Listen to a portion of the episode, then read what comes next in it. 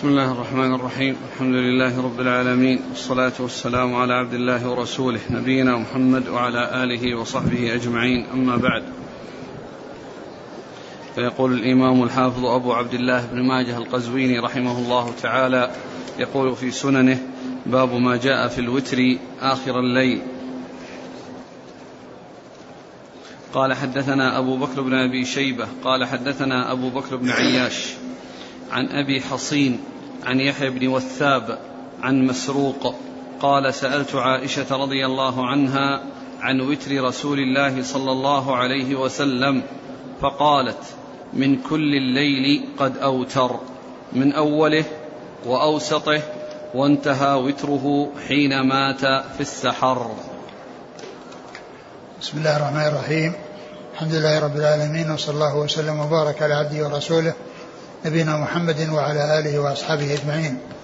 أما بعد يقول الإمام ماجه رحمه الله باب ما جاء في الوتر آخر الليل. الوتر هو آه، يطلق على ما تختم به صلاة الليل من ركعة أو عدة ركعات متصلة ويطلق على صلاة الليل كلها وتر. يعني إذا ختمت بوتر فإنها يقال لها وتر. لأنه كما جاء في بعض الأحاديث صلاة الليل مثنى مثنى فإذا خشي أحدكم الصبح أتى بركعة توتر له ما مضى. توتر له ما مضى من صلاته. يعني فيكون العدد الذي مضى بدل أن كان شفعا صار وترا لأن تلك الركعة أوترت له ما مضى من صلاته فكان ذلك المتقدم وترا بدل أن كان شفعا. و والوتر وورد حديث عائشة رضي الله عنها أنها لما سئلت عن وتر رسول الله صلى الله عليه وسلم قالت من كل الليل أوتر رسول الله صلى الله عليه وسلم من أول الليل وسطه و آه، وانتهى آه، إلى السحر في آه، في آخر في آخر عمره. حينما وانتهى وتره حين مات في السحر. وانتهى وتره حين مات في السحر يعني أنه الذي كان عليه في آخر أمره كان يوتر في السحر. والوتر في السحر لا شك أنه هو الأولى. وصلاة الليل أيضا في, في, في السحر هي الأولى لأنه الوقت الذي فيه نزول الله سبحانه وتعالى وكون العبد يسأل الله عز وجل ويرجوه في ذلك الوقت الذي ترجى فيه الإجابة آه هذا هو الأفضل. وهذا إنما يكون لمن وثق بقيامه من كان عنده آه استعداد واطمئنان إلى أنه سيقوم فإنه يوتر آخر الليل. ومن كان يخشى على نفسه أنه لا يقوم أو الغالب على ظنه أنه لا يقوم يوتر قبل أن ينام. وقد جاء ذلك عن رسول الله صلى الله عليه وسلم في وصيته لأبي هريرة حيث قال أوصاني خليلي صلى الله عليه وسلم بثلاث ركعتي الضحى وصيام ثلاثة أيام من شهر من كل شهر وأن أوتر قبل أن أنام. وكذلك حديث أبي الدرداء أوصاني حبيبي صلى الله عليه وسلم بثلاث ركعتي الضحى وصيام ثلاثة أيام من كل شهر وأن أوتر قبل أن أرقد. وحديث أبي هريرة في الصحيحين وحديث أبي الدرداء في صحيح مسلم. وفي صحيح البخاري الصحيحين أبو هريرة قال خليلي وأبو الدرداء قال حبيبي صلى الله عليه وسلم. و آه، فإذا الوتر يكون بهذا التفصيل.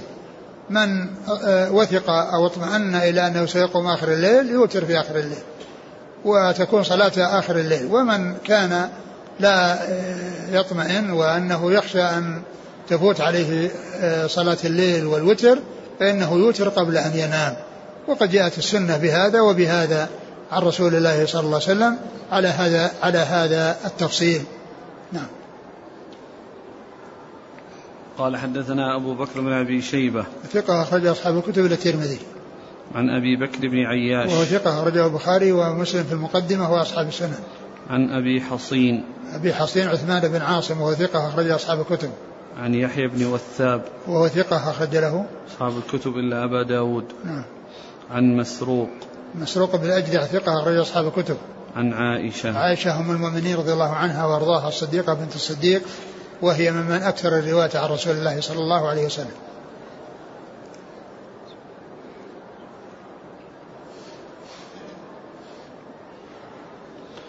قال حدثنا علي بن محمد قال حدثنا وكيع حاء قال وحدثنا محمد بن بشار قال حدثنا محمد بن جعفر قال حدثنا شعبة عن أبي إسحاق عن عاص بن ضمرة عن علي رضي الله عنه أنه قال من كل الليل قد أوتر رسول الله صلى الله عليه وسلم من أوله وأوسطه وانتهى وتره إلى السحر.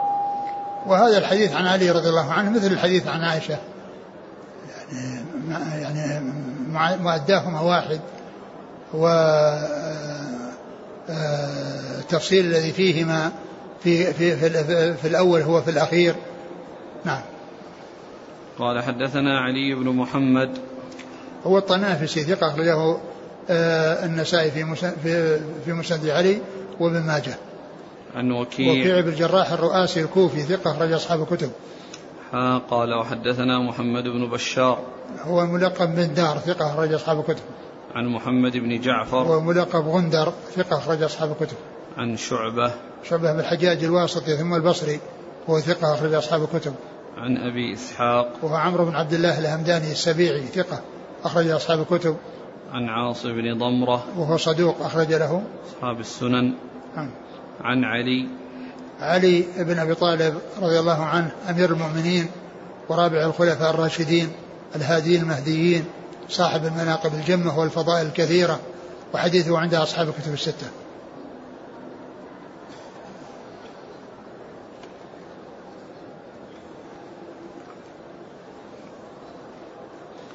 قال حدثنا عبد الله بن سعيد قال حدثنا ابن أبي غنية قال حدثنا الأعمش عن أبي سفيان عن جابر رضي الله عنه عن رسول الله صلى الله عليه وسلم أنه قال من خاف منكم الا يستيقظ من آخر الليل فليوتر من أول الليل ثم ليرقد. ومن طمع منكم أن يستيقظ من آخر الليل فليوتر من آخر الليل فإن قراءة آخر الليل محظورة وذلك أفضل. ثم ذكر هذا الحديث عن جابر بن عبد الله رضي الله عنهما وفيه التفصيل الذي ينبغي أن يكون عليه عمل الإنسان. أن من اطمأن إلى أنه يقوم آخر الليل يصلي آخر الليل لأن صلاة آخر الليل محظورة فتحضرها الملائكة وفيها النزول الإلهي كما جاء بذلك الحديث عن رسول الله صلى الله عليه وسلم. ومن لا يطمئن إلى أنه سيقوم فإنه يصلي ويوتر قبل أن ينام. فإذا نام وقد أدى صلاته ووتره إذا قام أو طلع عليه الفجر وهو وقد أوتر فإنه قد احتاط لنفسه. وإن صلى أول الليل وأوتر ولكنه قام وأراد أن يصلي فله أن يصلي فله أن يصلي لكن لا يوتر مرة ثانية. له أن يصلي ما شاء لكن لا يوتر مرة ثانية. ومن وثق من نفسه أنه يقوم آخر الليل يجعل وتر آخر الليل. لكن من كان لا, لا يطمئن إلى قيامه آخر الليل وصلى وأوتر ثم قام لا يقال إنه يمنع من الصلاة وأنه ليس له أن يصلي بل له أن يصلي. لكن لا يوتر مرة ثانية. لا يوتر مرة ثانية. وقد جاء في بعض الأحاديث أن النبي صلى الله عليه وسلم كان آه، فعل أو صلى أحيانا بعد آه، الوتر ركعتين. في بعضها وهو جالس وفي بعضها بعضها جالس وبعضها وهو قائم. فهذا لبيان الجواز. قيل إن هذا لبيان الجواز وأنه يجوز أن يصلي بعد الوتر. لكن السنة أن الإنسان يجعل آخر صلاته بالليل وترا كما جاء ذلك عن رسول الله صلى الله عليه وسلم. اجعلوا آخر صلاتكم بالليل وترا. هذا هو الأصل. ولكن من أوتر ثم بعد ذلك استيقظ وأراد أن يصلي فله أن يصلي. لكن لا يوتر مرة أخرى لأنه لا وتران في ليلة كما جاء ذلك عن رسول الله صلوات الله وسلامه وبركاته عليه. نعم. قال حدثنا عبد الله بن سعيد. عبد الله بن سعيد هو الأشج ثقة أخرج أصحاب الكتب. عن ابن أبي غنية وهو ثقة أخرج له. صدوق. صدوق. أخرج أصحاب الكتب إلا أبا داود في نعم. المراسيل. نعم. عن الأعمش. سليمان بن مهران ثقة أخرج أصحاب الكتب. عن أبي سفيان. وهو طلحة بن نافع ثقة صدوق أخرج أصحاب الكتب. عن جابر. جابر بن عبد الله الأنصاري رضي الله عنهما أحد السبعة المكثرين من حديث رسول الله صلى الله عليه وسلم.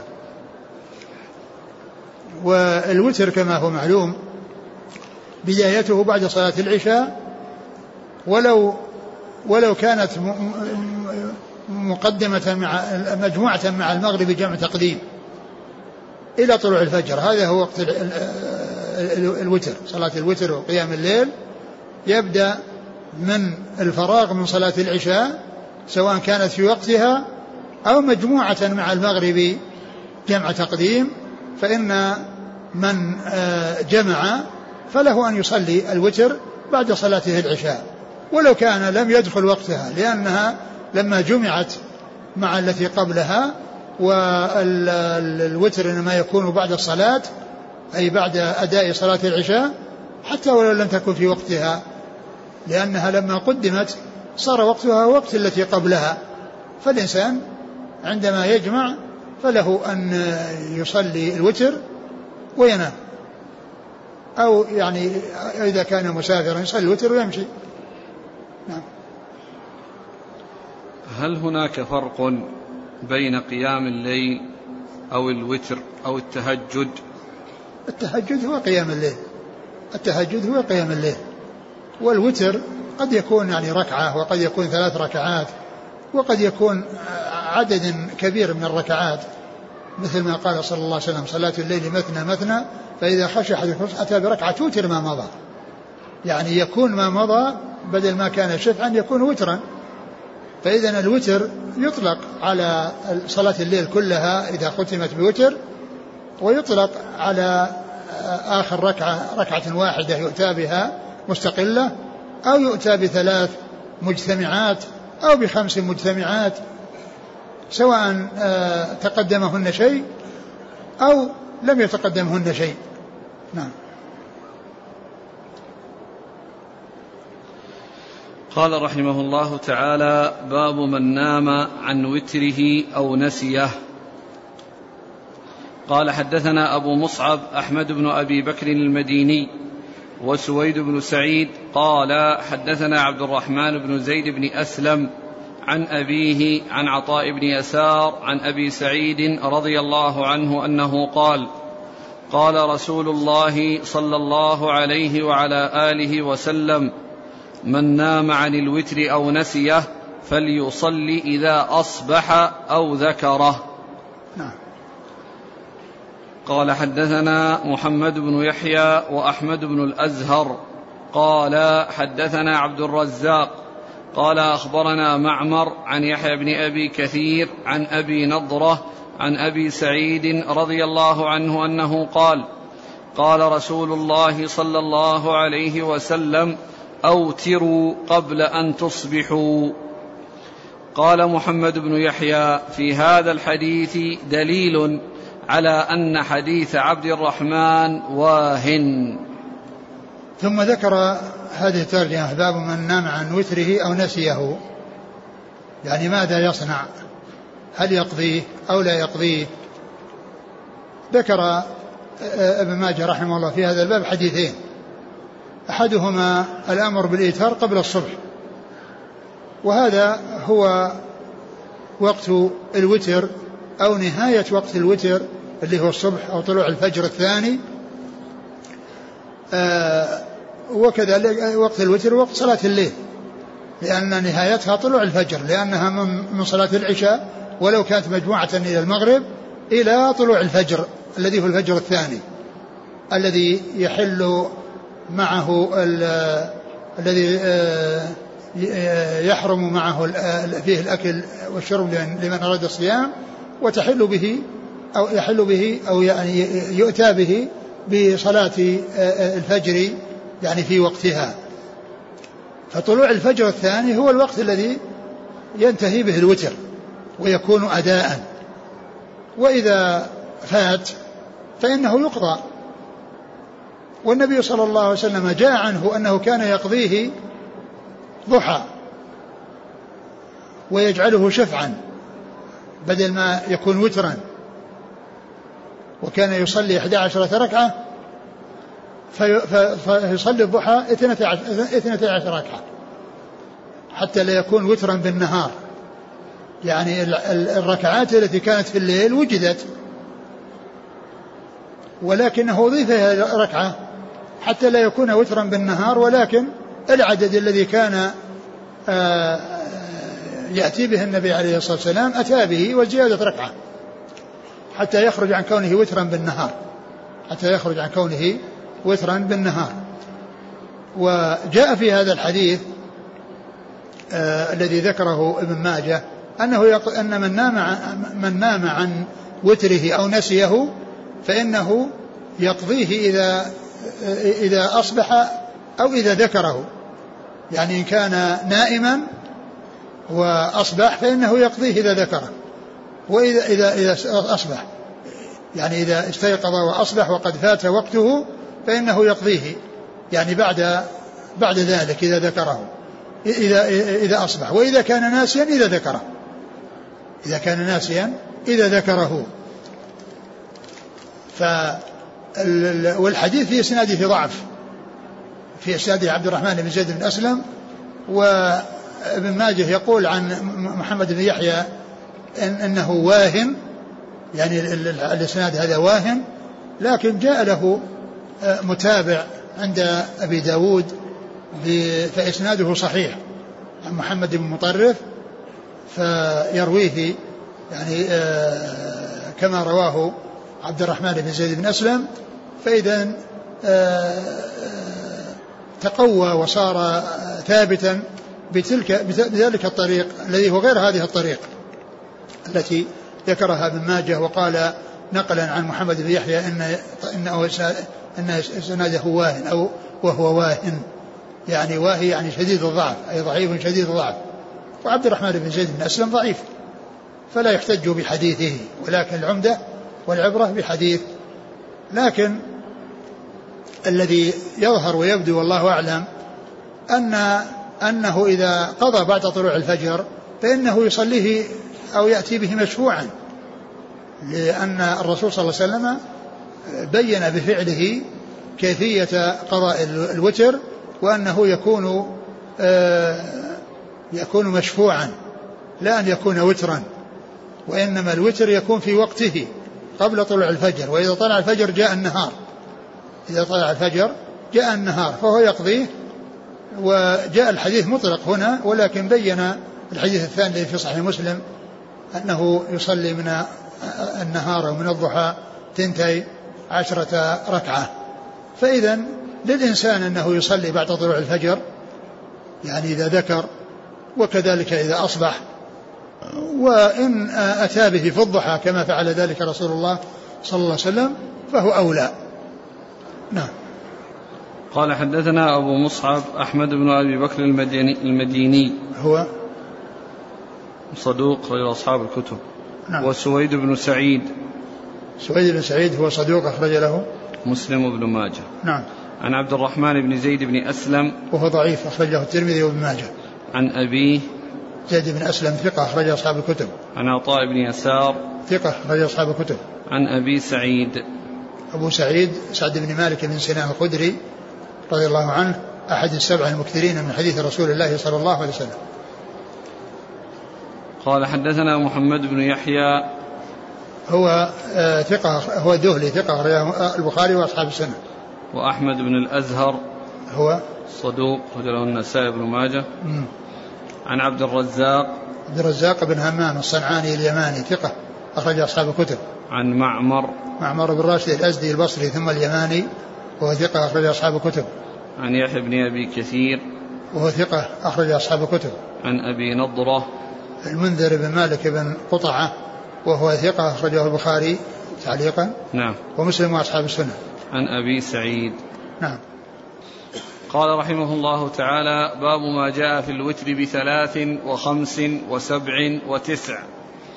قال حدثنا عبد الرحمن بن إبراهيم الدمشقي قال حدثنا الفريابي عن الأوزاعي عن الزهري عن عطاء بن يزيد الليثي عن أبي أيوب الأنصاري رضي الله عنه أن رسول الله صلى الله عليه وسلم قال الوتر حق فمن شاء فليوتر بخمس ومن شاء فليوتر بثلاث ومن شاء فليوتر بواحدة.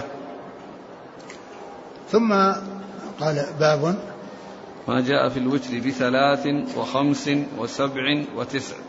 باب ما جاء في الوتر بثلاث وخمس وسبع وتسع. يعني أن أن أن الوتر أو أن صلاة الليل يمكن أن تكون بهذا المقدار وأن تكون تسعا وأن تكون سبعا وأن تكون خمسا وأن تكون ثلاثا. وجاء في بعض الأحاديث أنها تكون واحدة. جاء في بعض الأحاديث أنها تكون واحدة. وسيأتي تفصيل التسع وكذلك ما يتعلق بالسبع وأن وأنه يمكن أن يأتي بها ثنتين ثنتين ويأتي بواحدة وكذلك يمكن أن يجمعها بصلاة واحدة إلى الثامنة وبعد الثامنة يجلس ويتشهد ثم يقوم دون أن يسلم ويأتي بالتاسعة ثم يتشهد ويسلم وكذلك بالنسبة للسابعة أو السبع فإنه يمكن أن يفعل بها كما فعل يعني في آه، في التسع ويمكن أنه يأتي بها مفرقة ويمكن آه، أن يأتي بها مجتمعة ويمكن أن يأتي بها مجتمعة. آه، وكذلك الثلاث يمكن يأتي بها ثنتين ثم يسلم ثم واحدة ويسلم أو يأتي بها مسرودة. ثلاث متصلة لكن لا يأتي بها على هيئة المغرب. بأن يأتي بثنتين ويتشهد ثم يأتي يقوم ويأتي بالثالثة ويسلم لأنه جاء النهي عن التشبيه بصلاة المغرب أو أن تشبه بصلاة المغرب. فعلى هذا يمكن أن تكون الثلاث على طريقتين اثنتين أن يأتي بركعتين ويسلم ثم يأتي بالثالثة ويسلم أو يجمع الثلاث مسرودة متصلة ويسلم في آخرها. مسرودة متصلة ويسلم في آخرها. نعم. قال حدثنا عبد الرحمن بن إبراهيم الدمشقي. هو الملقب دحيم وهو ثقة رجل البخاري وأبو داود والنسائي وابن ماجه. عن الفريابي. ومحمد بن يوسف الفريابي ثقة أخرج أصحاب الكتب. عن الأوزاعي. عبد الرحمن بن عمرو الأوزاعي ثقة أخرج أصحاب الكتب. عن الزهري. محمد بن مسلم بن عبيد الله ثقة أخرج أصحاب الكتب. عن عطاء بن يزيد الليثي. عطاء بن يزيد الليثي ثقة أخرج أصحاب الكتب. عن أبي أيوب الأنصاري. عن أبي أيوب الأنصاري رضي الله عنه هو خالد بن زيد آه، صحابي أخرج له أصحاب الكتب. وهذا فيه عطاء بن يزيد الليثي. وهناك من التابعين عدد يقال لهم عطاء. عطاء بن يزيد الليثي هذا وهو من رجال الكتب الستة وعطاء بن أبي رباح وهو من رجال الكتب الستة وعطاء بن يسار وهو من رجال الكتب الستة. نعم.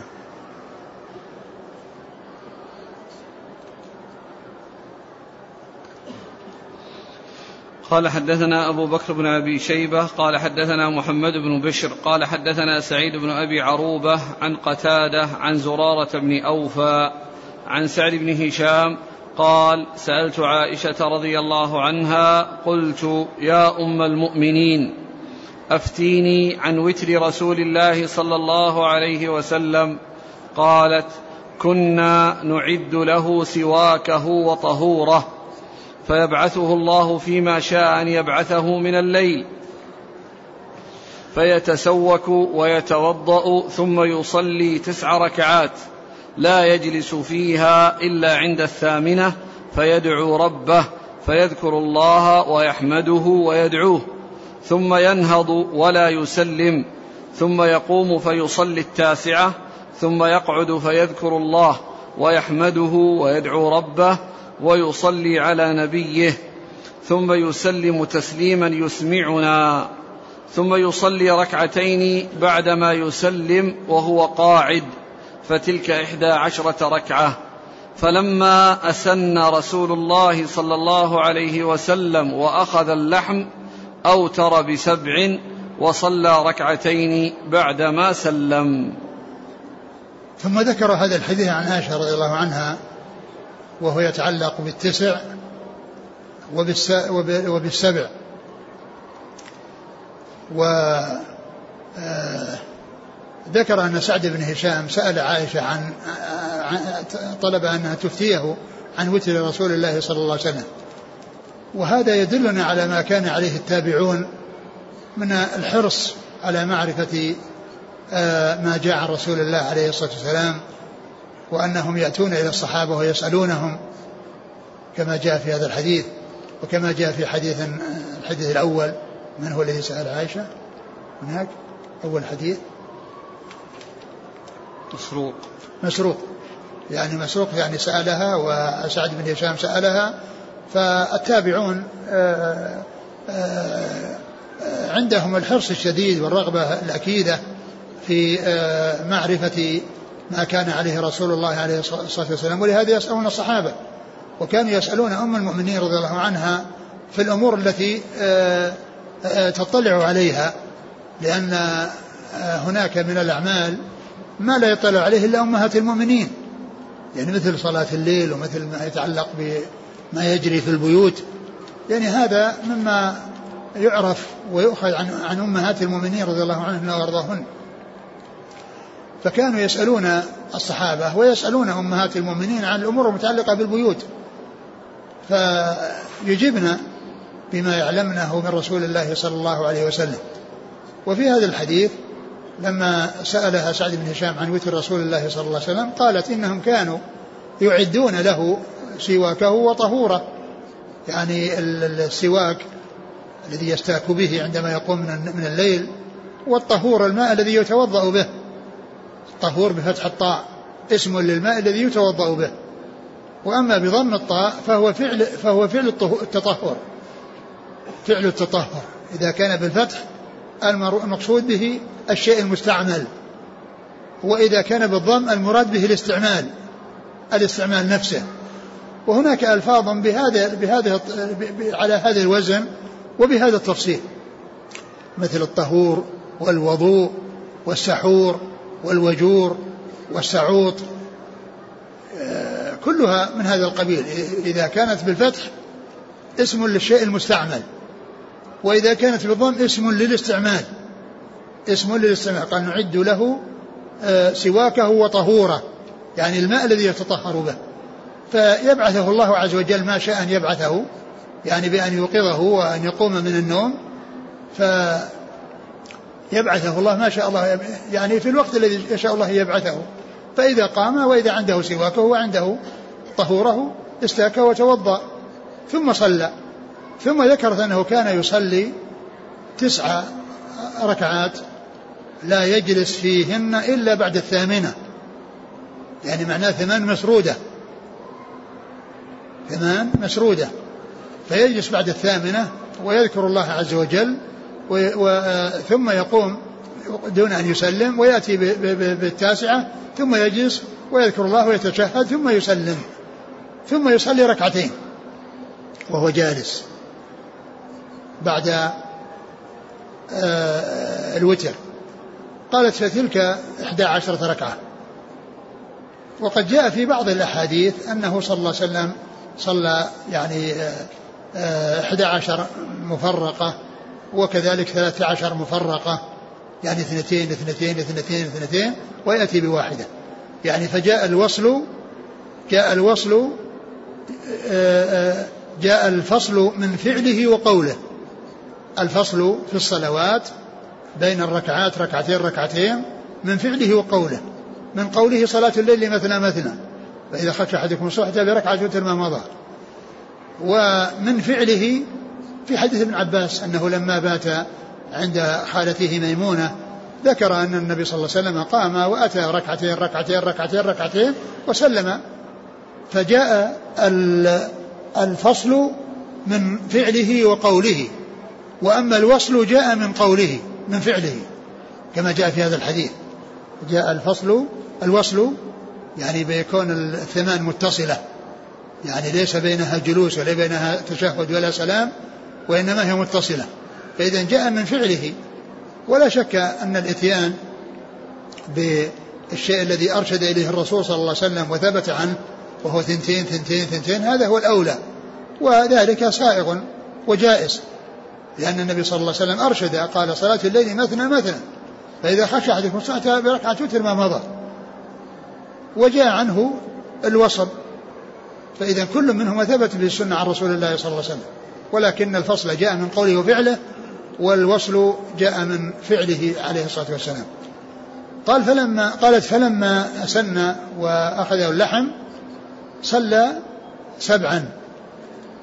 صلى سبعا ثم يعني آآ آآ يعني صلى سبعا. فقولها صلى سبعا يحتمل شيئين.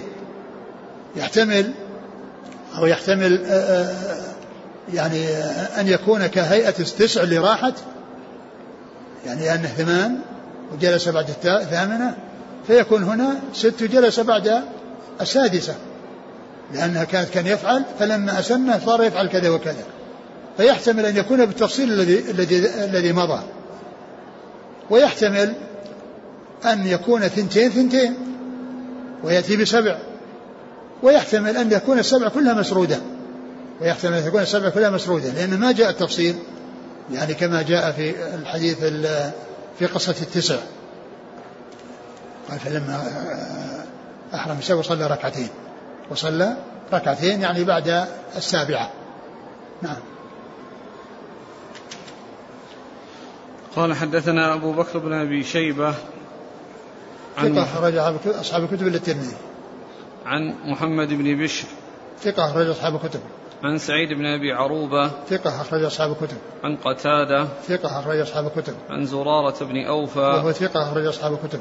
عن سعد بن هشام. وهذا هو زرارة بن أوفى هو الذي ذكره في ترجمته أنه كان أنه كان أميرا وصلى بالناس الفجر.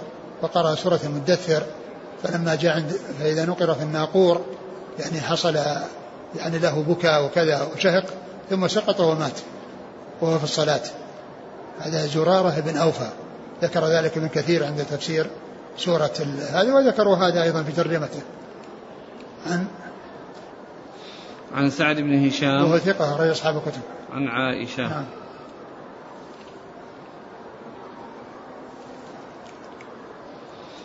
قال حدثنا أبو بكر بن أبي شيبة قال حدثنا حميد بن عبد الرحمن عن زهير عن منصور عن الحكم عن مقسم عن أم سلمة رضي الله عنها أنها قالت كان رسول الله صلى الله عليه وسلم يوتر بسبع أو بخمس لا يفصل بينهن بتسليم ولا كلام.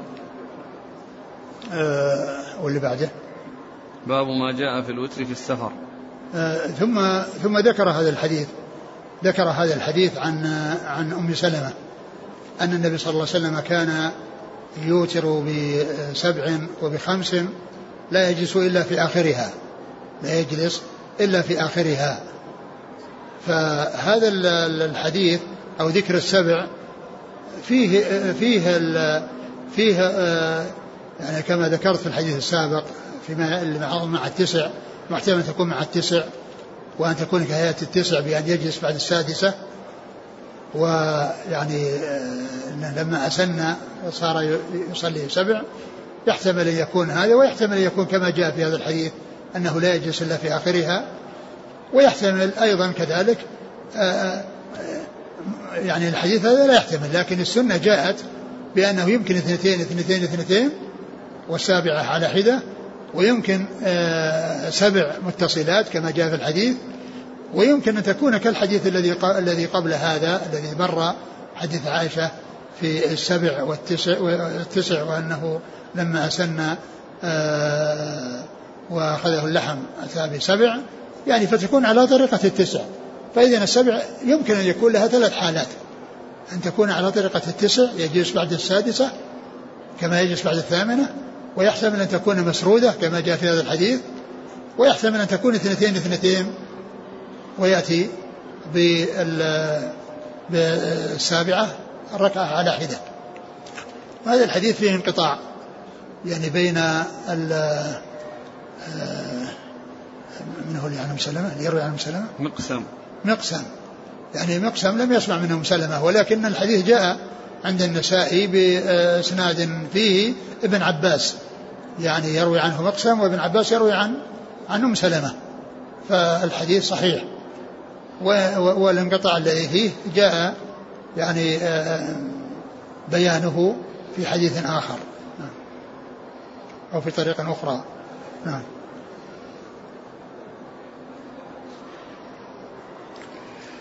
وأما الخمس التي جاءت في الحديث فيمكن أن تكون اثنتين اثنتين وذلك واحدة ويمكن أن تكون خمسا مسرودة يعني سواء كان على حدة أو قبلها شيء. لأنه سيأتي في بعض الأحاديث أنه آه يعني آه يوتر آه أنه كان يصلي ويوتر بخمس لا يجلس إلا في آخرها. فسواء كانت هذه الخمس هي يعني التي يأتي بها اثنتين اثنتين واحدة أو أنها مسرودة. أو أنها مسرودة ويمكن أن يأتي بركعات قبلها ولكن يأتي بهذه الخمس متصلة يعني تكون وترا. نعم. قال حدثنا أبو بكر بن أبي شيبة عن حميد بن عبد الرحمن. حميد بن عبد الرحمن الرؤاسي هو ثقة أخرجه أصحاب الكتب. عن زهير. وحميد بن عبد الرحمن يعني رجال الكتب الستة في رجال الكتب الستة ثلاثة كلهم حميد بن عبد الرحمن. اثنان من التابعين وهما حميد بن عبد الرحمن الحميري وحميد بن عبد الرحمن بن عوف الزهري وهذا الذي هو من طبقة شيوخ آه، شيوخ أصحاب الكتب الستة هو حميد بن عبد الرحمن الرؤاسي وكلهم منه وكلهم خرج لهم أصحاب الكتب الستة. كلهم اثنان في طبقة متقدمة وهي طبقة التابعين وواحد في طبقة متأخرة وهي طبقة شيوخ آه، أصحاب الكتب الستة. عن عن زهير. وهذا يسمى المؤتلف والمختلف. يسمى المؤتلف والمختلف. متفق المتفق والمفترق يعني أن تتفق أسماء الرواة وأسماء آبائهم وتختلف أشخاصهم. تتفق أسماء الرواة وأسماء آبائهم وتختلف أشخاصهم. هذا يقال له المتفق المتفق والمفترق. يعني اتفق يعني في آه، في, في الاسم واسم الأب وافترق في الأشخاص. نعم. عن زهير. زهير بن محمد. زهير بن معاوية. زهير بن معاوية. نعم. ثقة أخرج أصحاب الكتب. نعم. عن منصور. منصور بن معتمر ثقة أخرج أصحاب الكتب. عن الحكم.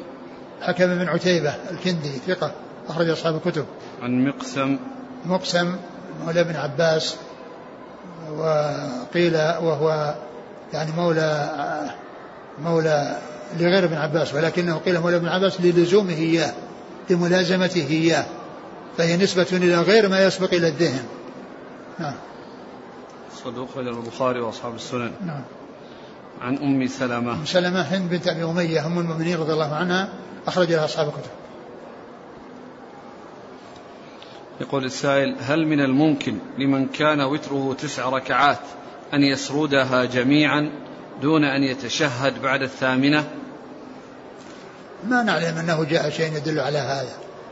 الذي جاء أنه آه أنه يتشهد بعد الثامنة.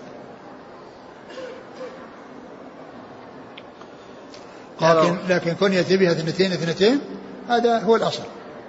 صلاة الليل مثنى مثنى فإذا خشى أحدكم أتى بركعة وتر ما مضى. قال رحمه الله تعالى باب ما جاء في الوتر في السفر. قال حدثنا أحمد بن سنان وإسحاق بن منصور قال حدثنا يزيد بن هارون قال أخبرنا شعبة عن جابر عن سالم عن أبيه رضي الله عنه أنه قال كان رسول الله صلى الله عليه وسلم يصلي في السفر ركعتين لا يزيد عليهما وكان يتهجد من الليل. قلت وكان يوتر؟ قال نعم. ثم ذكر الوتر في السفر. الوتر يكون في الحضر والسفر. وهو من آكد النوافل. هو ركعة الفجر. ما كان النبي صلى الله عليه وسلم يتركهما لا في حضر ولا في سفر. أما الرواتب التي هي أربع قبل الظهر وثنتين بعدها وهكذا فإنه ما كان يفعلها في السفر. يعني ما كان يأتي بالرواتب لأنه كان يقصر. وقد جاء عن, عن ابن عمر قال لو كنت مسبحا لأتممت يعني لو كنت متنفلا لأتممت فالله عز وجل رخص بقصر الرباعية إلى اثنتين فإذا لا يتنفل لا يؤتى بنوافل قبلها ولا بعدها. وابن وابن عمر يقول لو كنت مسبحا لا أتممت. فإذا الوتر في السفر هو من آكد. و وإنما الذي لا يؤتى به في السفر الرواتب.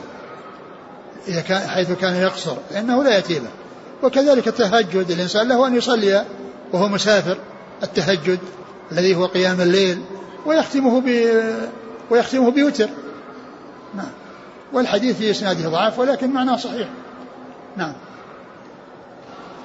قال حدثنا أحمد بن سنان. صدوق أخرج له. ثقة أخرج البخاري نعم. ومسلم. وأبو داود والنسائي في مسند مالك وابن ماجه. نعم. وإسحاق بن منصور. هو الكوسج وهو ثقة أخرج أصحاب الكتب إلا أبا داود. عن يزيد بن هارون. هو الواسطي ثقة أخرج أصحاب الكتب. عن شعبة. نعم. عن جابر. جابر جابر الجعفي وهو؟ ضعيف وأبو داود والترمذي وابن ماجه. نعم. عن سالم. سالم بن عبد الله بن عمر ثقة أخرج أصحاب الكتب. عن أبيه. نعم. قال حدثنا إسماعيل بن موسى قال حدثنا شريك عن جابر عن عامر عن ابن عباس وابن عمر رضي الله عنهم قال سن رسول الله صلى الله عليه وسلم صلاة السفر ركعتين وهما تمام غير قصر والوتر في السفر سنة. ثم ذكر هذا الحديث عن ابن عباس وابن عمر رضي الله عنهما أن النبي صلى الله عليه وسلم سن الصلاة في السفر ركعتين. سن ركعتين يعني هذه الفريضة. يعني السنة آه، أن الإنسان يقصر في السفر. يقصر في السفر. وبعض أهل العلم يقول إن أن أن أن, أن, أن أنها آه، ليست مقصورة وأنها عزيمة لأنها جاء في حديث عائشة أول ما أول ما فرضت الصلاة ركعتين فأقرت صلاة السفر وأزيد في صلاة الحضر. وبعض أهل العلم يقول إنها مقصورة لأنه جاء في الحديث أنه لما سئل عن عن القصر وقد أمن الناس قال إنها صدقة صدق الله بها عليكم فاقبلوا صدقته يعني رخص لكم بأن تنتقلوا من الأربع إلى الاثنتين. ثم ذكر آه، قال إيش؟ والوتر. وهما تمام غير قصر والوتر في السفر سنة. والوتر في السفر سنة. يعني من سنن الرسول صلى الله عليه وسلم.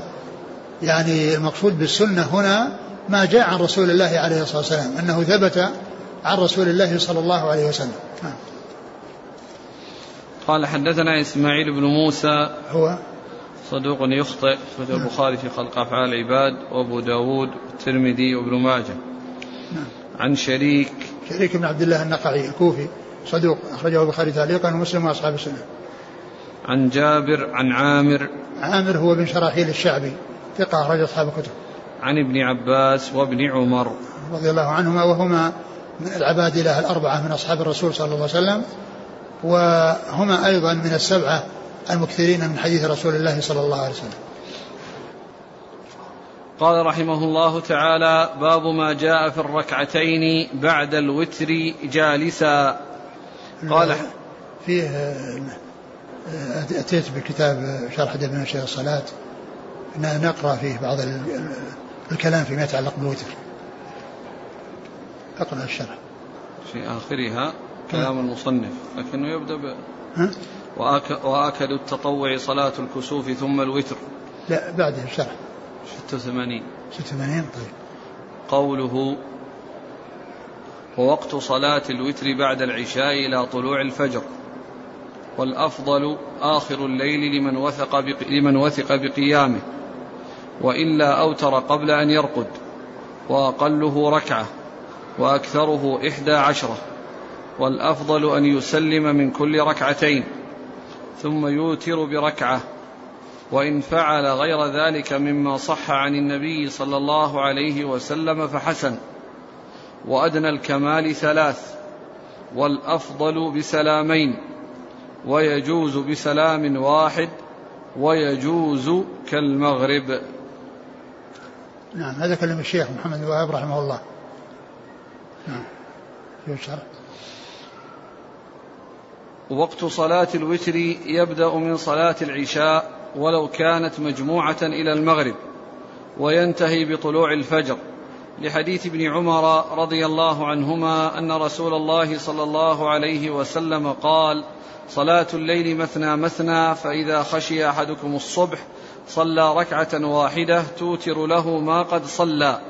رواه البخاري ومسلم. يدل, يدل لتفضيل صلاة الوتر آخر الليل لمن وثق بقيامه حديث جابر رضي الله عنه قال سمعت النبي صلى الله عليه وسلم يقول أيكم خاف ألا يقوم من آخر الليل فليوتر ثم ليرقد ومن وثق بقيام بقيام من الليل فليوتر من آخره فإن قراءة آخر الليل محضورة وذلك أفضل رواه مسلم وأقل الوتر ركعة لحديث أبي أيوب رضي الله عنه قال رسول الله صلى الله عليه وسلم الوتر حق فمن شاء فليوتر بخمس ومن شاء فليوتر بثلاث ومن شاء فليوتر بواحدة. رواه الحاكم في المستدرك وصححه ووافقه الذهبي. ولما في صحيح البخاري عن ابن أبي مليكة قال أوتر معاوية رضي الله عنه بعد العشاء بركعة وعنده مولى لابن عباس. فأتى ابن عباس فقال دعه فإنه قد صحب رسول الله صلى الله عليه وسلم. وفي لفظ قال إنه فقيه. وأكثره إحدى عشرة ركعة. لحديث عائشة رضي الله عنها قالت ما كان رسول الله صلى الله عليه وسلم يزيد في رمضان ولا في غيره على إحدى عشرة ركعة. رواه البخاري ومسلم. الأفضل أن يسلم من كل ركعتين ثم يوتر بركعة لثبوت ذلك من قوله وفعله صلى الله عليه وسلم. أما قوله ففي حديث صلاة الليل مثنى مثنى وقد مر قريبا. وأما فعله فقد دل عليه حديث ابن عباس رضي الله عنهما في قصة مبيته عند خالته ميمونة رضي الله عنها. أخرجه البخاري ومسلم. وله أن يوتر بتسع لا يسلم إلا في آخرها فيصلي ثمانيا لا يجلس فيها إلا بعد الثامنة فيذكر الله ويحمده ويدعوه ثم ينهض ويأتي بالتاسعة ثم يقعد فيذكر الله ويحمده ويدعوه ثم يسلم. أو يوتر بسبع يفعل فيها كما فعل في التسع. أو يأتي بها متصلة لا يجلس إلا في آخرها. لحديث عائشة رضي الله عنها وفيه قولها جوابا لمن سألها عن وتر رسول الله صلى الله عليه وسلم كنا نعد له سواكه وطهوره. فيبعثه الله ما شاء أن يبعثه من الليل فيتسوك ويتوضأ ويصلي تسع ركعات لا يجلس فيها إلا في الثامنة فيذكر الله ويحمده ويدعوه. ثم ينهض ولا يسلم ثم يقوم فيصلي التاسعة. ثم يقعد فيذكر الله ويحمده ويدعوه ثم يسلم تسليما يسمعنا ثم يصلي ركعتين بعدما يسلم وهو قاعد. فتلك إحدى عشرة ركعة يا بني.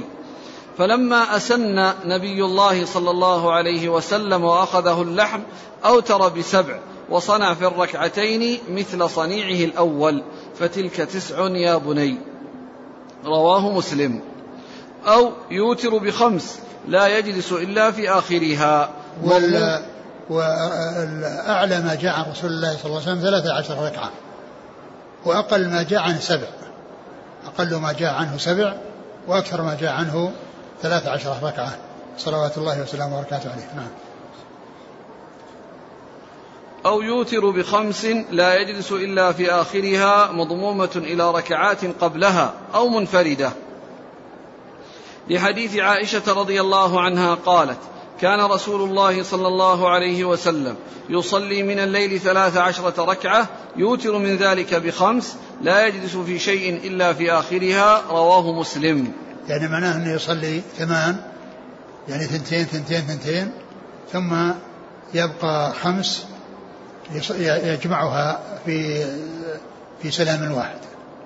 يعني فالخمس يعني له أن يأتي بها منفردة وله أن يأتي بها مضمومة إلى غيرها كما جاء عن رسول الله صلى الله عليه وسلم في هذا الحديث.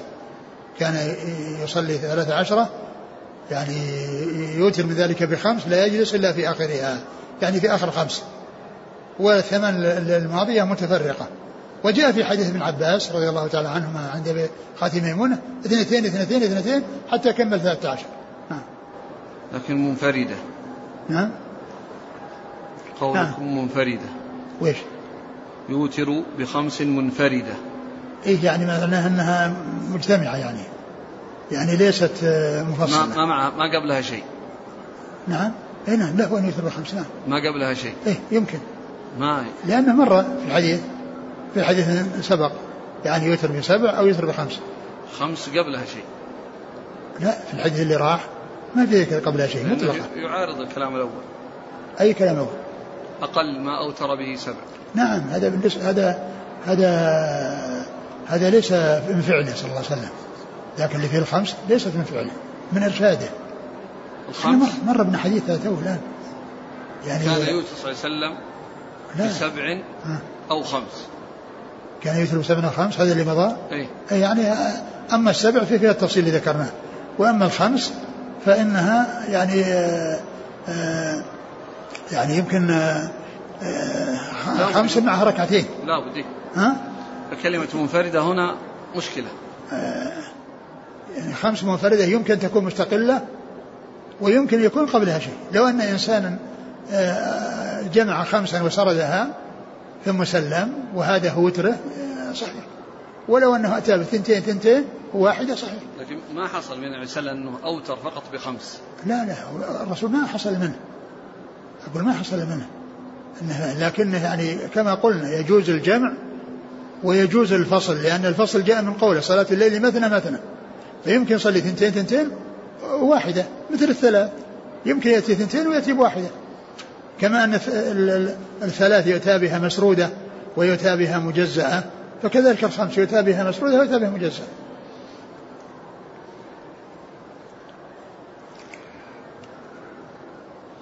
أو يوتر بثلاث لحديث أبي أيوب المتقدم ويحتمل أن, يك أن تكون بسلامين وأن تكون بسلام واحد لا يجلس إلا في آخرها وأن تكون كالمغرب لكن يعني هذا في احتمال.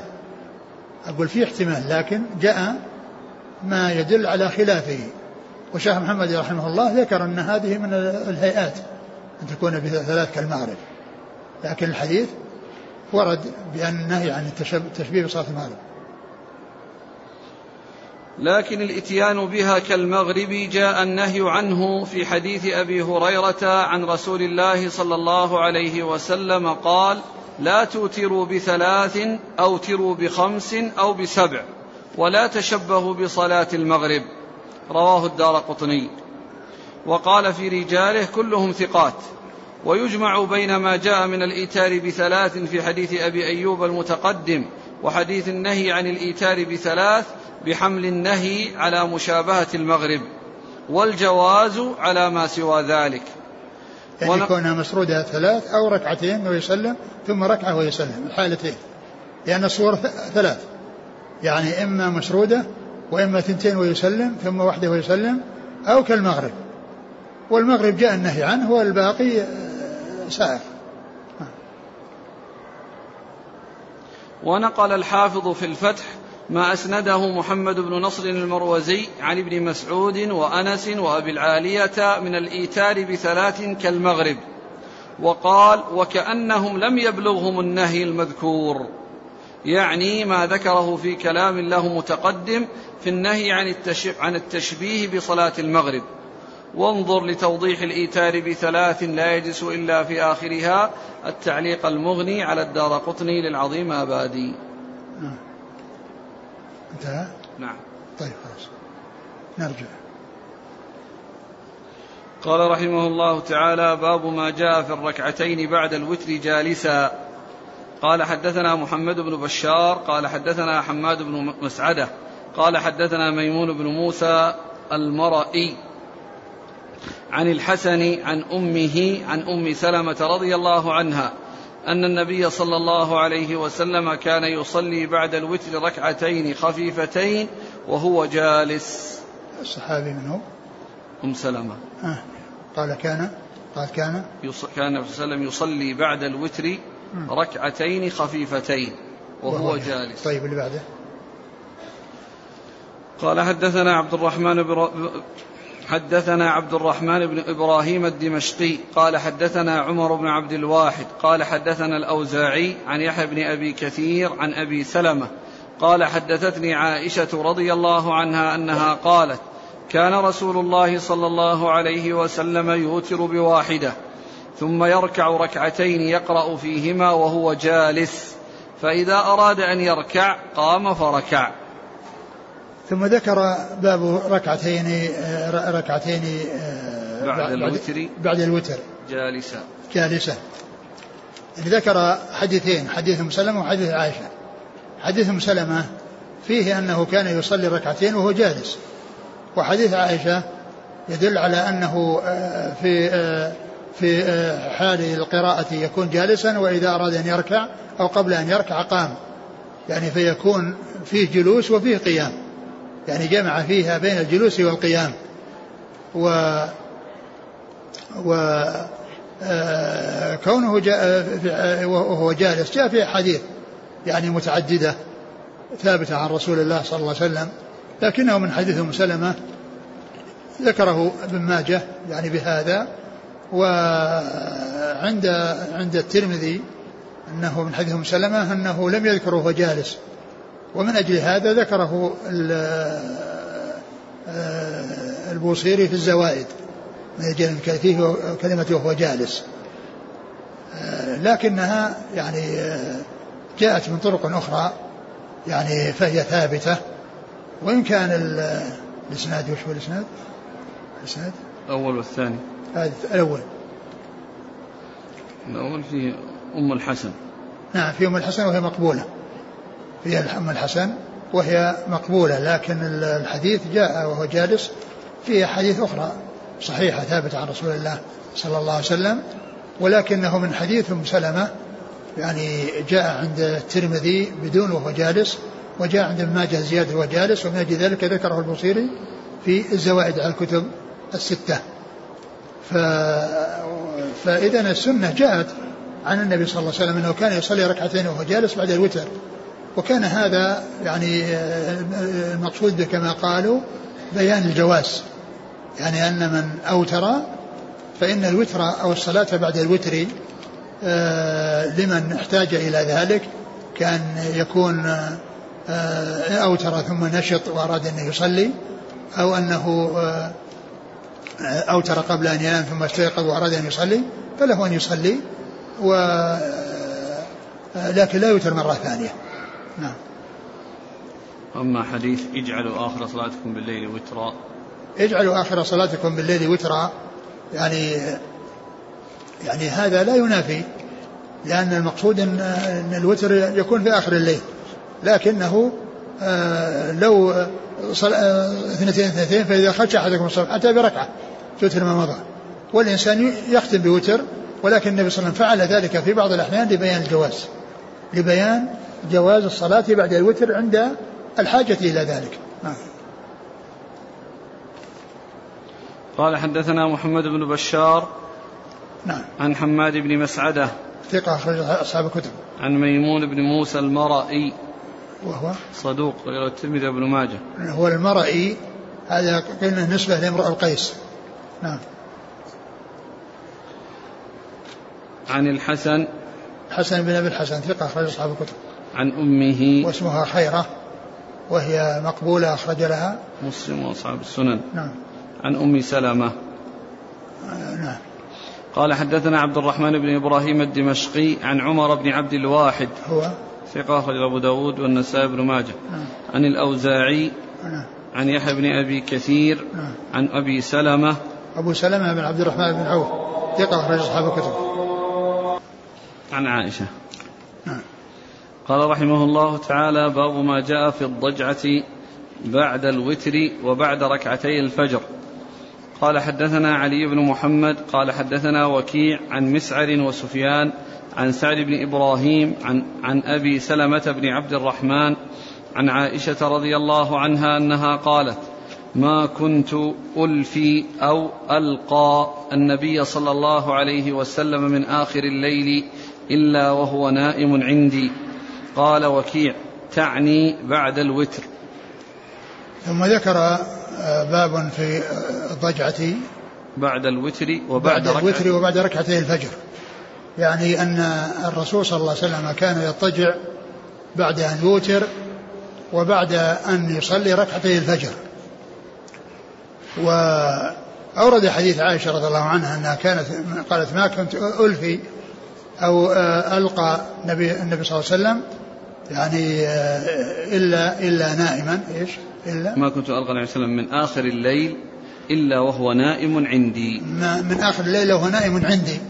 يعني قبيل طلوع الفجر قبيل طلوع الفجر الثاني لأنه كان يصلي آخر الليل ولكنه ينتهي قبل طلوع الفجر بمدة ليست طويلة ثم يضطجع. ولهذا جاء أن أن الأذان الأول الذي يكون في آخر الليل قبل قبل طلوع الفجر لإيقاظ النائم وإرجاع القائم. يعني القائم يستريح اللي كان يعني مشتغل بالصلاة بصلاة الليل يضطجع يعني يستريح يعني آه، استعدادا أو تهيئا لصلاة الفجر. و آه، والذي كان نائما يستيقظ. والذي كان نائما يستيقظ ليصلي. مثلا ما ما أراد أن يصلي وليتسحر إذا كان يريد أن يصوم. وليتسحر إذا كان يريد أن يصوم. فإذا النبي صلى الله عليه وسلم كان يصلي وتره في آخر الليل وينام يعني في يعني فترة وجيزة في آخر الليل. فالحديث يدل يعني دل فعله صلى الله عليه وسلم على هذا ودل أيضا ما يتعلق بالأذان أنه الأذان الأول أنه لإرجاع لإيقاظ النائم وإرجاع القائم يعني كون القائم يعني يستريح بالنوم يعني فترة وجيزة قبل أن يأتي الفجر. أو ليتسحر إذا كان سيصوم. قال حدثنا علي بن محمد عن وكيع عن مسعر مسعر بن كدام ثقة أخرج أصحاب الكتب وسفيان سفيان هو الثوري ثقة أخرج أصحاب الكتب. عن سعد بن إبراهيم. نعم راح. عن أبي سلمة عن عائشة. نعم. قال حدثنا أبو بكر بن أبي شيبة. قال حدثنا إسماعيل بن علية عن عبد الرحمن بن إسحاق عن الزهري عن عروة عن عائشة رضي الله عنها أنها قالت كان النبي صلى الله عليه وسلم إذا صلى ركعتي الفجر اضطجع على شقه الأيمن. ثم ذكر هذا الحديث عن عائشة أن النبي صلى الله عليه وسلم إذا صلى ركعتي الفجر اضطجع على شقه الأيمن. يعني في البيت. يعني في بيتها. الرسول صلى الله عليه وسلم كان يصلي الركعتين ويضطجع على شقه الأيمن ثم يأتيه المؤذن ويؤذنه بالصلاة فيخرج عليه الصلاة والسلام. فيخرج عليه الصلاة والسلام. فهذا يدل على أن على أن على أن هذه الضجعة إنما هي تكون في البيت وليست في المسجد. تكون في البيوت ولا تكون في المساجد؟ لأن النبي صلى الله عليه وسلم ما كان يفعل ذلك إلا في البيت ولم يكن يفعل ذلك في المسجد. نعم.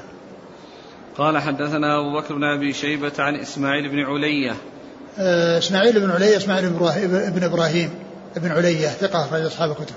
عن عبد الرحمن بن إسحاق. عبد الرحمن بن, بن إسحاق اللي هو صدوق لأصحاب الكتب. نعم اللي هو إيش؟ نعم هو يعني عبد الرحمن اثنان واحد صدوق وواحد ضعيف. لكن الضعيف ما له ما, له ما لم يروي له ابن ماجه شيئا وإنما روايته عن الصدوق. فالحديث الذي في الإسناد هو الصدوق. نعم. في عبد الرحمن بن إسحاق بن الحارث الواسطي أبو شيبة نعم. ضعيف. أي نعم هذا ضعيف وليس لم يروي له ابن ماجه. عبد الرحمن بن إسحاق بن عبد الله بن الحارث بن كنانة المدني يقال له عباد. صدوق له البخاري تعليقا ومسلم وأصحاب السنن. نعم. عن الزهري. محمد بن مسلم عبيد الله ثقة أخرج أصحاب الكتب. عن عروة عن عائشة. عروة بن الزبير بن العوام ثقة فقيه أخرج أصحاب الكتب. قال حدثنا عمر بن هشام قال حدثنا النضر بن شميل قال أخبرنا شعبة قال حدثني سهيل بن أبي صالح عن أبيه عن أبي هريرة رضي الله عنه أنه قال كان رسول الله صلى الله عليه وسلم إذا صلى ركعتي الفجر اضطجع. ثم ذكر هذا الحديث عن عن أبي هريرة ومثل حديث عائشة. كان إذا صلى ركعة الفجر اضطجع. كان إذا صلى ركعتي الفجر اضطجع. ومعلوم أن هذا إنما يكون في البيت. وأبو هريرة يعلم ذلك يعني عن طريق أمهات المؤمنين لأنها كما هو معلوم مراسيل الصحابة حجة. نعم. قال حدثنا عمر بن هشام هو. مقبول نعم. ابن ماجه. نعم. عن النضر بن شميل. ثقة أخرج أصحاب الكتب. عن الشعبة عن سهيل بن أبي صالح. سهيل بن أبي صالح صدوق أخرج له أصحاب الكتب وروايته في البخاري مقرون. عن أبيه. وأبوه أبو صالح ذكوان السمان ثقة أخرج أصحاب الكتب. عن أبي هريرة. وأبو هريرة رضي الله عنه أكثر الصحابة حديثا. باب ما جاء في الوتر على الراحلة. والله تعالى أعلم وصلى الله وسلم وبارك على عبده ورسوله نبينا محمد وعلى آله وأصحابه أجمعين. جزاكم الله خيرا وبارك الله فيكم. ألهمكم الله الصواب ووفقكم للحق. نفعنا الله ما سمعنا. غفر الله لنا ولكم.